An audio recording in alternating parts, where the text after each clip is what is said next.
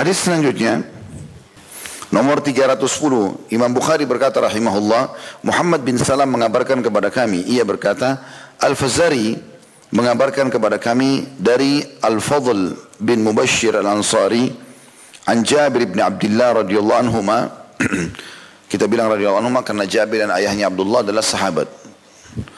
Qala Rasulullah SAW Inna Allah la yuhibbul fahishal mufahhash. Maaf Inna Allah la yuhibbul fahisha mutafahish wala sayyaha fil aswaq. Artinya dari Jabir bin Abdullah radhiyallahu anhu ia berkata Rasulullah SAW bersabda sungguhnya Allah tidak menyukai orang yang melakukan perbuatan keji lagi mengucapkan perkataan-perkataan keji juga tidak menyukai orang yang suka berteriak-teriak di pasar Kandungan hadis yang pertama itu juga sama angka 6 sama 7 diganti 1 sama 2 saja. Yang pertama adalah kewajiban menahan diri dari perbuatan kotor, baik yang disengaja maupun tidak. Yang kedua, larangan berteriak-teriak dan meninggikan suara di pasar, di jalan dan di tempat-tempat umum lainnya. Kita bedah hadis ini Jabir bin Abdullah radhiyallahu anhu adalah sahabat Nabi yang mulia. Jabir ini yang masyhur, sudah pernah kita jelaskan sebenarnya biografinya. Banyak riwayat dari Jabir, dari Jabir, dari Nabi sallallahu alaihi wasallam. Dia adalah seorang yang sangat saleh, ya. Salah satu riwayat yang masyhur tentang beliau yang masalah menikah dengan gadis atau janda gitu ya. Karena beliau pernah masih bujang lalu nikah sama janda. Kemudian Nabi alaihissalatu wassalam berkata, apa kau sudah menikah? Jabir yang mengatakan iya janda atau gadis dia mengatakan janda ya Rasulullah. Kata Nabi SAW, tidakkah gadis sehingga kau bisa bercanda, bermain dengannya dan dia bermain denganmu? Lalu Jabir, Jabir menjelaskan, ya Rasulullah, ayah saya meninggal dan meninggalkan saudara-saudara saya kecil-kecil. Anak adik-adik saya masih banyak sangat kecil. Ya. Dan saya butuh seorang wanita yang menyisir rambut mereka, mengurus mereka seperti posisi ibu, gitu kan. Kalau saya menikah sama gadis maka mungkin akan sama dengan mereka. Saya akan tersibukkan, tidak bisa ngurus. Butuh wanita pengalaman dalam masalah ini. Maka Nabi SAW mengatakan kalau itu alasannya benar. Nah ini hadis harus dibaca lengkap gitu kan. Karena banyak orang menyoroti saja, oh kalau nikah sama gadis sama gadis tanpa melihat tentang kondisi dan keadaan. Padahal Jabir bin Abdullah ini menjelaskan masalah dan Nabi SAW membenarkan. Abdullah adalah ayahnya namanya Abdullah bin Haram radhiyallahu anhu ini salah satu atau orang yang pertama mati syahid di Uhud ya. Bahkan Nabi SAW bersabda uh, wahai Jabir sesungguhnya semua orang yang mati syahid diajak bicara oleh Allah dari belakang hijab kecuali ayahmu Abdullah. Allah berbicara secara langsung dan menanya, mengatakan hai, hai hambaku mohonlah. Maka ayahmu mengatakan Apalagi aku minta ya Allah setelah semua yang kau berikan ini. Jadi begitu terbunuh, semua terlihat ini. Ya, surga, fasilitas yang Allah kasih. Dan dia sangat gembira dengan itu. Maka uh, Allah menanyakan itu berulang kepada ayahmu. Akhirnya ayahmu mengatakan, ya setelah melihat tidak ada pilihan lain. Kalau begitu ya Allah kembalikan ruhku ke jasadku agar aku terbunuh lagi syahid. Ya, karena besarnya pahala yang dijanjikan. Nabi SAW bersabda, kita ambil ini penjelasan, penjelasan hadis tadi yang pertama itu tentang Jabir bin Abdullah lalu dikatakan innallaha la yuhibbul fahish. Ini pelajaran yang kedua dari hadis. Sesungguhnya Allah tidak suka dengan fahish. Kalau teman-teman lihat di situ ada penjelasan kata al-fahish dan mutafahish adalah kekejian. Maksudnya melakukan perbuatan keji dan melontarkan perkataan keji.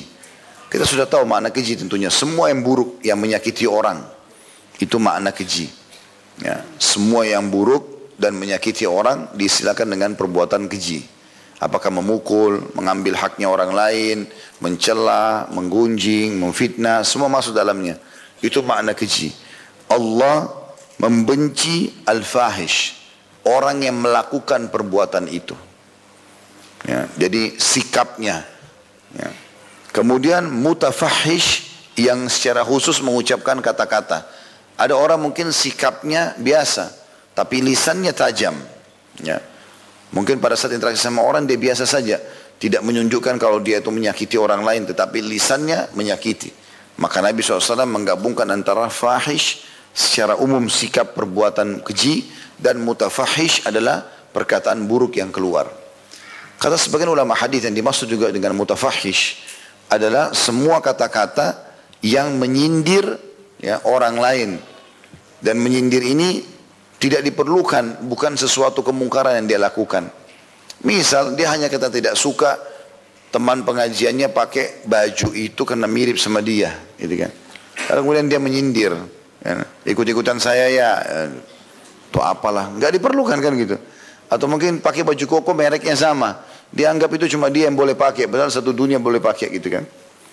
Lalu kemudian dia nyinggung gitu kan, dia nyindir.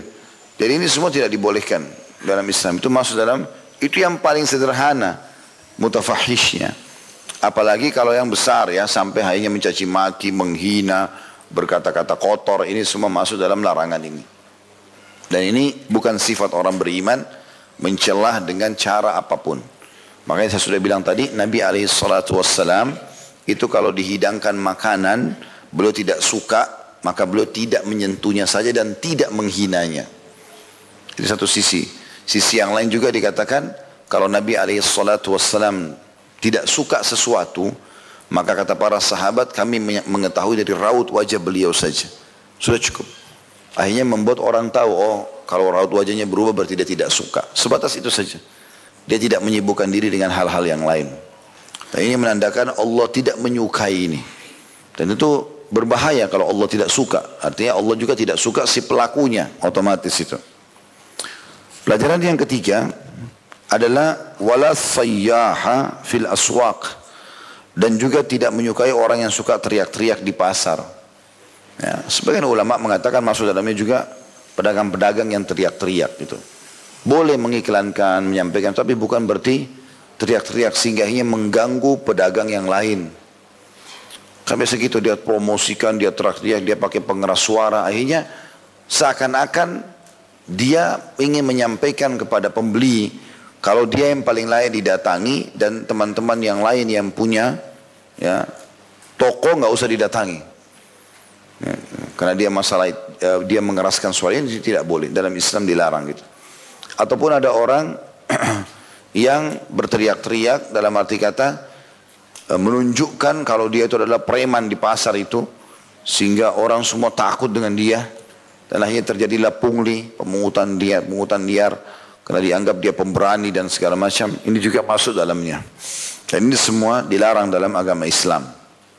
Jadi kita cukup promo-promo kayak zaman sekarang sudah Alhamdulillah Allah mudahkan. Kita bisa terjauhkan dengan ini.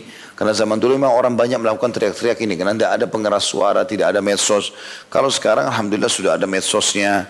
Kita tinggal masukkan di Instagram di YouTube dan segala macam. Lebih mudah atau promosi mungkin dengan uh, pelang-pelang tulisan udah cukup ya tidak perlu lagi orang ribut untuk meneriakkan produknya karena ini tidak disukai oleh Allah Subhanahu wa taala. Umumnya sih orang kalau biasa teriak kata ulama walaupun itu cuma di pasar atau di dagangannya maka ini akan terbawa jadi menjadi menjadi perangainya. Hanya teriak-teriak di rumah, teriak-teriak pada anaknya, teriak-teriak semuanya ini jadi terbiasa. Intinya teriak-teriak ini tidak dianjurkan dalam Islam. Ya, dan dianjurkan agar untuk dijauhi. Hadis selanjutnya 311 masih dalam bab yang sama. Kata Imam Bukhari rahimahullah dari Abdul Wahab dari Ayyub dari Abdullah bin Abi Mulaika anna Aisyah radhiyallahu anha anna Yahudan atau Nabi sallallahu alaihi wasallam faqalu assalamu alaikum faqalat Aisyah radhiyallahu anha wa alaikum wa la'anakumullah wa ghudiba wa ghadabullah alaikum ya. Ini uh, dhammanya diganti jadi fathah ya. Wa ghadiballah ya. Alaikum qala mahlan ya Aisyah alayki birrifqi wa iyyaki wal unfa wal fuhsha qalat awalam tasma' ma qalu Qala awalam tasma'i ma qultu? Radattu alaihim fayustajabu li fihim wa la yustajabu lahum fiyya. Dari Aisyah radhiyallahu anha ummul muminin bahwa orang-orang Yahudi pernah menemui Nabi alaihi salatu wassalam kemudian mengucapkan assalamu alaikum. Semua assamu maaf assamu alaikum. Bukan assalam assamu alaikum yang artinya semoga kebinasaan atas kalian. Jadi orang Yahudi mau mengelabui bahasa seakan-akan Nabi alaihi salatu wassalam tidak dengar gitu ya. ya dikatakan Assamu alaikum. Lalu Aisyah radhiyallahu anha menjawab karena dengar itu, wa alaikum dan untuk kalian juga. Wa la'anakumullah dan semoga Allah melaknat kalian wa ghadiballahu alaikum dan Allah pasti marah kepada kalian atau murka kepada kalian. Nabi sallallahu alaihi wasallam bersabda kepada Aisyah, "Tenanglah wahai Aisyah, berlemah lembutlah, jauhilah sifat keras dan keji." Aisyah radhiyallahu anha berkata, "Apakah engkau tidak mendengar apa yang mereka ucapkan?" Maka beliau SAW menjawab, apakah engkau tidak mendengar apa yang aku katakan? Atau jawab, aku telah menjawab salam mereka. Balasan salamku untuk mereka dikabulkan. Tetapi salam atau doa mereka untukku tidak dikabulkan. Hadis ini memiliki di sini dijelaskan empat kandungan seperti biasa baru kita akan masuk ke penjelasan kita insya Allah. Yang pertama anjuran agar berlemah lembut kepada ahli kitab dan selainnya. Ahli kitab maksudnya Yahudi dan Nasrani. Ya. Tentu masuk dalamnya ini umumnya orang-orang kafir. Kecuali yang ada di kancah peperangan, lagi jihad itu berbeda. Tapi selama orang kafir itu ya, masih hidup bersama kita dan kita bisa mendakwahinya bukan di kancah peperangan. Di kancah peperangan pun kita memberikan peringatan tapi sedikit dengan ada ketegasan gitu kan. Tapi kalau tetangga, keluarga, kerabat ya yang memang atau teman-teman kantor atau umumnya kita tidak mengenal mereka satu warga negara kayak kita di Indonesia Masya Allah banyak orang-orang non muslim itu adalah ajang dakwah buat kita. Umat Islam dianjurkan dalam agamanya untuk menjaga kelemah lembutan kepada mereka. Terbukti Nabi SAW bersabda kepada Aisyah berlemah lembutlah. Padahal orang Yahudi sudah doakan keburukan buat Nabi alaihi salatu wassalam. Yang kedua bimbingan Nabi SAW untuk menjawab salam dari ahli kitab dengan mengucapkan wa alaikum. Jadi kalau teman-teman antum ada yang Nasrani, kerabat, atau mungkin agama lain lah ya. Mereka mengatakan Assalamualaikum mungkin karena kita umumnya di Indonesia mayoritas muslim mereka ucapin salam apakah masuk ke toko kita atau ketemu atau tegur sapa dan seterusnya maka kita menjawab wa alaikum saja enggak tambahan lain bukan wa alaikumussalam Artinya dan untuk kalian, gitu kan? Hanya itu saja. Kalau orang muslim kita jawab waalaikumsalam, bahkan lebih lengkap lebih bagus, ya. Semoga keselamatan buat kalian, warahmatullah dan rahmat Allah datang kepada kalian, wa barakatuh dan semoga berkah juga selalu datang kepada kalian. Yang ketiga boleh bermajlis dengan orang musyrik dan ahli kitab dalam rangka mengajak mereka untuk masuk Islam. Jadi boleh berinteraksi selama bukan tempat ibadah mereka, ya.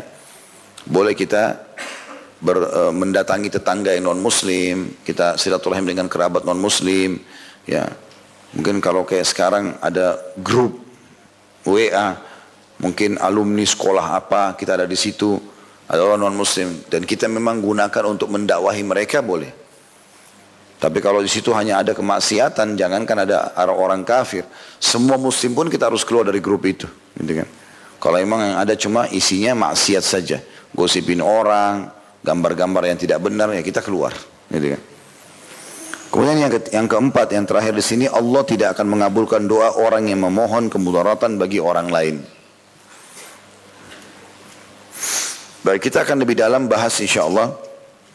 Seperti biasa satu persatu. Aisyah radhiyallahu anha terkenal sekali, Ummul Mukminin radhiyallahu anha, dia dan ayahnya juga kakeknya semua sahabat. Ya. Dan dia punya julukan Ummu Abdillah, padahal dia belum punya anak. Dia tidak punya anak, radhiyallahu anha. Dan saya sudah pernah jelaskan di awal-awal bab kita, kalau boleh dan sangat dianjurkan, kita saling memanggil dengan kunyah namanya, julukan. Ya. Terutama kalau anda punya anak laki-laki yang pertama. Ya. Maka kita panggil dia dengan kunia itu, ya.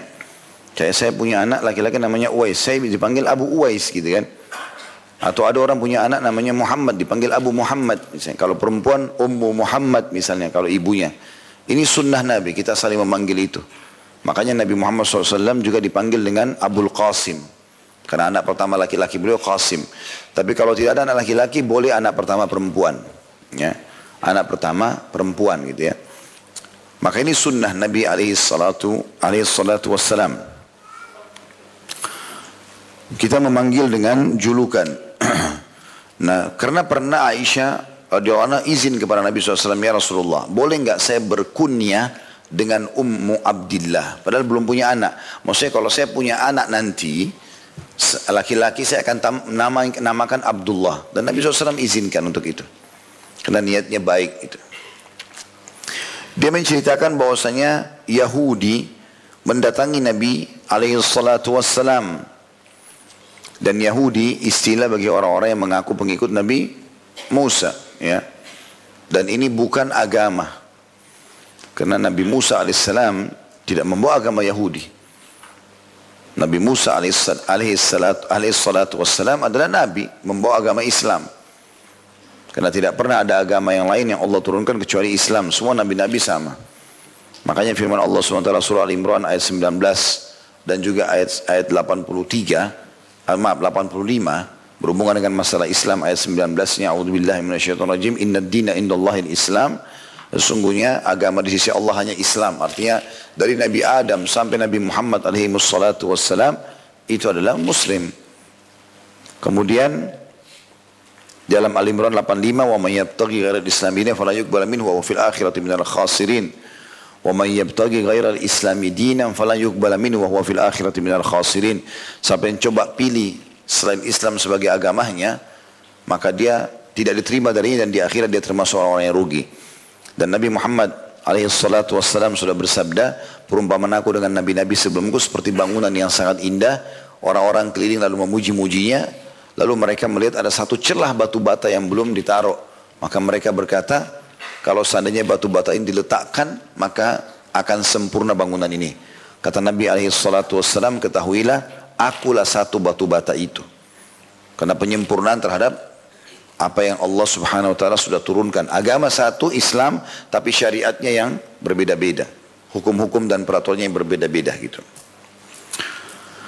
Jadi Yahudi ini tidak bisa dibahasakan kalau mereka itu ya atau menyatakan agama Yahudi agama Nabi Musa itu salah. Itu tidak benar gitu. Kita pun tidak menganggapnya sebagai agama yang benar. Gitu. Tapi yang diambil banyak ya, khilaf di antara ulama tentang masalah sebab kata-kata Yahudi. Ada yang mengatakan dari kalimat huda. Kalau bahasa Ibria itu artinya taubat. Jadi waktu Nabi Musa alaihi salam pergi ke Bukit Tursina, untuk menerima kitab Taurat selama 40 hari.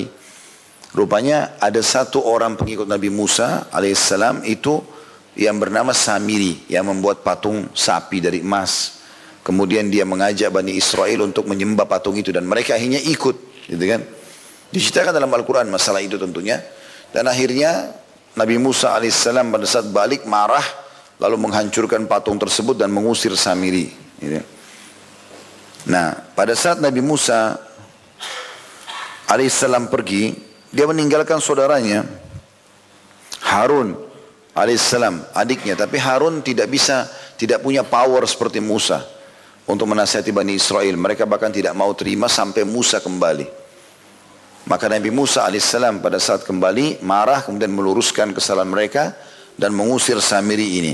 Nah pada saat itu Bani Israel mengatakan inna hudna ilaik. Dalam Al-Quran dikatakan kami taubat kepadamu ya Allah. Maka keluarlah istilah Yahud. Tapi ini bukan agama cuma istilah saja sebenarnya.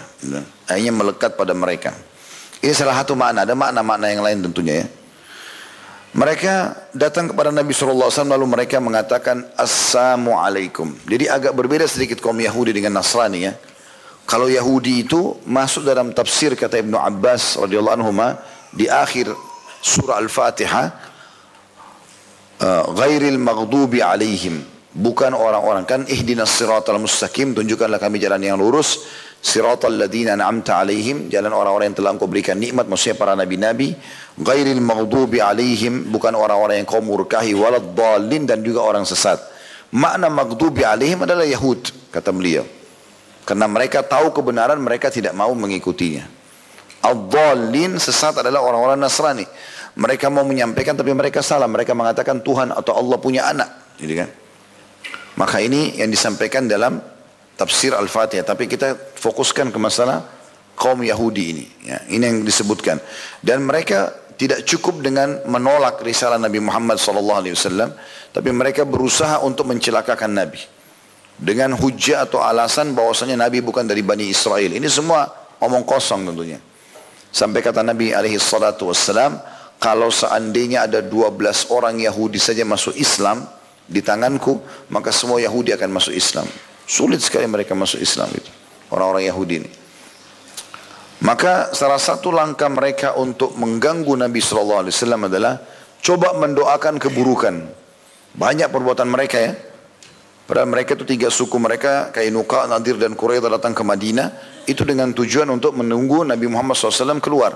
Pada saat keluar mereka tidak beriman gitu. Ada di antara mereka yang berusaha untuk membangkang suku Kainuqa diusir oleh Nabi SAW. Ada suku Nadir diusir oleh Nabi SAW. Suku Quraidah pun tiga, yang ketiga dihukum juga oleh Nabi SAW karena berkhianat.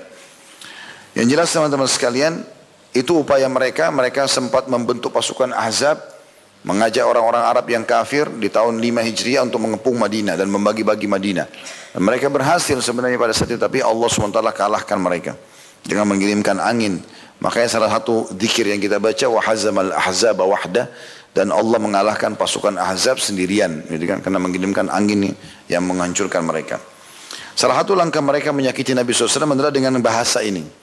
Mereka mengatakan Assam alaikum. Perhatikan bahasa Arabnya itu ya. Jadi bedanya tipis sekali.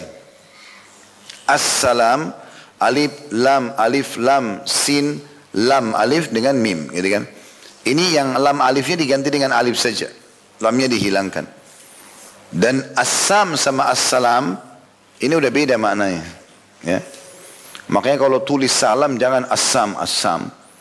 Nah, ASS ya, atau apalah. Kenapa nggak tulis assalamualaikum? Takutnya salah.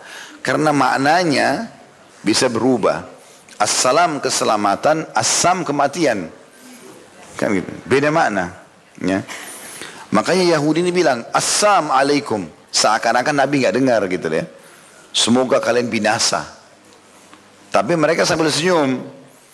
Mereka yasa keadaan. Mereka pikir Nabi nggak dengar gitu. Rupanya di sebelah Nabi SAW ada Aisyah radhiyallahu anha dan Aisyah marah langsung. Waalaikum dan semoga kalian binasa gitu. Lalu Aisyah marah dan semoga Allah melaknat kalian. Semoga murka Allah dalam pada kalian. Ini kalau kita hubungkan dengan hadis sebelumnya kan dikatakan oleh Nabi, Nabi Alaihissalam bukanlah seorang mumin pelaknat ya. Tapi ada sebuah poin di sini saya ingin titik beratkan. Apakah kita dilarang melaknat secara mutlak? Tidak boleh mengucapkan laknat sama sekali? Atau ada celah di mana kita boleh melaknat? Maka ada celah dibolehkan kita melaknat. Itu jawabannya. Tapi tidak menjadi perangai kita. Seperti misalnya kita melaknat Fir'aun. Karena memang dia kufur kepada Allah SWT. Sebagian ulama kalau membahas Fir'aun mengatakan Fir'aun la'natullahi alaih. Ada iblis misalnya. Karena dia kufur kepada Allah, biasanya dikatakan iblis la'natullahi alaih. Maka ini poin-poin yang masih dibolehkan. Gitu kan? Tetapi seseorang umumnya menghindari sambil dia mengatakan Fir'aun melakukan ini, sudah tahu dia kafir. Iblis, semoga Allah selamatkan kita dari keburukannya dan seterusnya itu jauh lebih tepat. Tapi ada celah dibolehkan. Makanya di sini Ummul Mukminin mengucapkan kepada kaum Yahud. Kenapa Yahudi boleh dilaknat? Karena memang Allah melaknat mereka. Allah SWT menyebutkan dalam Al-Quran. Eh, Lu'inal ladina kafaru min Bani Israel. Ya. Telah dilaknat orang-orang yang kufur dari Bani Israel. Juga sama tentang Ashabus Sabt. Orang-orang Yahudi yang dilarang mancing hari Sabtu kemudian mereka memasang jala malam Sabtu lalu mereka panen hari Ahad itu juga dalam Al-Quran disebutkan Allah melaknat mereka mengutuk mereka menjadi kera setelah tiga hari baru mereka ya meninggal dunia. Seperti itulah kurang lebih. Jadi di sini bahasa laknatnya Aisyah bukan perbuatan yang salah. Karena celah yang dibolehkan ya melaknat orang yang Allah bolehkan untuk dilaknat situ. Tapi ini tidak boleh kita gunakan menjadi perangai kita. Setiap kita benci sama orang langsung main laknat, nggak boleh, gitu kan. Lalu dikatakan di sini peringatan Nabi SAW mahlan ya Aisyah. Tenang aja ya Aisyah. Gitu. Bahasa mahlan tenang atau ya redahlah kamu ini. Karena Aisyah lagi marah radhiyallahu anha. Alaiki birrifqi. Gunakan kelembutan kata Nabi SAW. Artinya biar kau juga lagi marah, balas kesalahan orang itu atau perbuatan buruknya dengan ketenangan walaupun sebenarnya kau sedang membalasnya. Karena Nabi SAW mengatakan wa iyyaki wal unfu wal fuhush. Dan hati-hati kau dari perbuatan kasar juga perkataan-perkataan keji. Boleh kau balas tapi jangan dengan cara tunjukkan keburukanmu. Lalu Nabi SAW contohkan seperti apa sih yang dibolehkan itu. Jadi membalas orang tapi tanpa harus kita itu marah-marah, terlihat sesuatu yang buruk dari kita. Tapi sebenarnya kita sudah membalas dia gitu. Seperti di sini doa buruknya Yahudi. Maka Aisyah berkata, ya Rasulullah, tidakkah anda dengar apa yang mereka ucapkan? Kata Nabi SAW, tidakkah kau dengar apa yang aku jawab? Rupanya Nabi SAW waktu Yahudi bilang, Assalamu alaikum. Nabi bilang apa? Wa alaikum. Maknanya apa? Waktu Yahudi bilang, semoga Kebinasaan buat kalian kata Nabi juga buat kalian. Tapi nggak marah-marah, itu kan? Karena mana waalaikum juga untuk kalian. Lalu kata Nabi SAW ketahuilah wahai Aisyah, doaku atau doa kita umat Islam untuk mereka dikabulkan. Jadi pada saat mereka bilang kebinasaan, ya maka pada saat kita bilang dan untuk kalian itu diterima dan doa mereka untukku tidak diterima. Allah tidak akan kabulkan doa Yahudi minta agar Nabi SAW dibinasakan. Oleh karena itu Yahudi sangat faham kalau doa Nabi SAW mustajab. Ya. Mereka kalau lagi bersin, kadang-kadang sering kali apalagi kalau ada kesempatan di hadapan Nabi mereka bersin sengaja nunggu supaya Nabi doakan. Mereka biasa bilang Alhamdulillah gitu kan. Kan dalam sunnahnya kita bilang apa? Ya Yarhamkallah. Semoga Allah merahmatimu. Tapi Nabi gak doain mereka. Atau dalam riwayat pernah Nabi mengatakan yahdikumullah. Semoga Allah berikan kalian hidayah. Nabi nggak doakan rahmat buat mereka. Seperti itu dan. Jadi di sini di poin-poin yang kita bisa ambil yang pertama tentang siapa itu Aisyah Mu'min radhiyallahu anha sudah kita jelaskan. Yang kedua siapa itu Yahudi juga sudah kita jelaskan tadi. Kemudian yang ketiga tentang bagaimana sikap Yahudi di dalam mencelakakan Nabi SAW. Di antaranya doa-doa seperti ini. Pelajaran yang keempat adalah laknatnya Aisyah untuk mereka. Dan sudah kita jelaskan kalau itu termasuk dibolehkan karena Allah sendiri melaknat kaum Yahud. Ya. Kemudian yang kelima adalah larangan Nabi SAW kepada Aisyah untuk berkata kasar, keji, buruk gitu kan. Walaupun dasarnya orang itu sedang mendoakan keburukan buat kita. Dan yang terakhir adalah bagaimana Nabi SAW menjelaskan cara atau memberikan gambaran untuk membalas orang-orang yang seperti ini. Dengan cara biasa saja ya itu. Jadi kalau orang doakan semoga kau mati semoga kau begini doa-doa tidak baik misalnya. Ya sudah semoga juga kamu sama gitu kan. Kan ini jadi masalah nih berat gitu kan. Atau mungkin kita diam saja nggak usah dibalas Allah swt maha tahu. Karena ada sebuah hadis juga berbunyi yang kurang lebih lafadznya atau terjemahannya tidak ada seseorang yang mendoakan orang lain, baik itu baik ataupun buruk, kecuali di atas kepalanya ada malaikat yang mengatakan, wala kamithruhu, wala kamithruh. Kau akan dapat sama, kau akan dapat sama. Ya. Jadi kalau kita doakan kebaikan buat orang, misalnya orang kaya, semoga Allah berkahi. Misalnya orang pintar, semoga Allah berikan tambahkan kepintaran. Atau orang cantik, orang gagah, apa kita doakan. Sebenarnya kita sedang doakan diri kita sendiri. Kita sedang doakan diri kita sendiri. Gitu kan. Sama juga faedah lain saya ingin tambahkan. Ini kalau ada di antara kita yang belum dikaruniai keturunan. Salah satu selain ikhtiar ya. Ikhtiar yang kita lakukan segala macam hal. Misalnya kita coba periksa medis, kita coba konsumsi makanan-makanan yang memang untuk uh, menjadi penyebab itu ya. Berdoa. Juga kalau ada orang yang melahirkan atau mendapatkan anak Sunnahnya kan kita mendoakan dia. Di antara sunnahnya adalah hadis Nabi SAW yang berbunyi, siapa yang melihat saudaranya diberikan keturunan, maka bacalah. Barakallahu laka fil mauhubi laka. Semoga Allah berkahi untuk memberikan keberkahan untukmu di kelahiran bayimu ini. Wa syakartal wahib. Dan semoga kau berterima kasih kepada pemberi Allah SWT. Wa balaga asyuddah. Dan semoga anak ini tumbuh besar dalam ketaatan waruzik tabirrah dan semoga kau dikaruniai bir atau baktinya gitu. Nah kalau kita didoakan begitu kita punya anak kita balas doa itu. Nah balasan kita itu barakallahu laka wa baraka alaik. Semoga Allah berikan kau keberkahan karena kau doakan ini dan semoga kehidupanmu diberikan keberkahan yang terus menerus gitu kan. Wa jazakallahu khairan. Semoga Allah balas kau kebaikan. Lalu lanjutannya adalah waruzikta mithlah dan semoga Allah karunia kau yang sama dengan ini. Sebagaimana saya dikasih anak, kau juga dikasih anak. Seperti itulah. Ya. Wa ajzala thawabak dan semoga Allah lipat gandakan pahalamu karena kau doakan saya.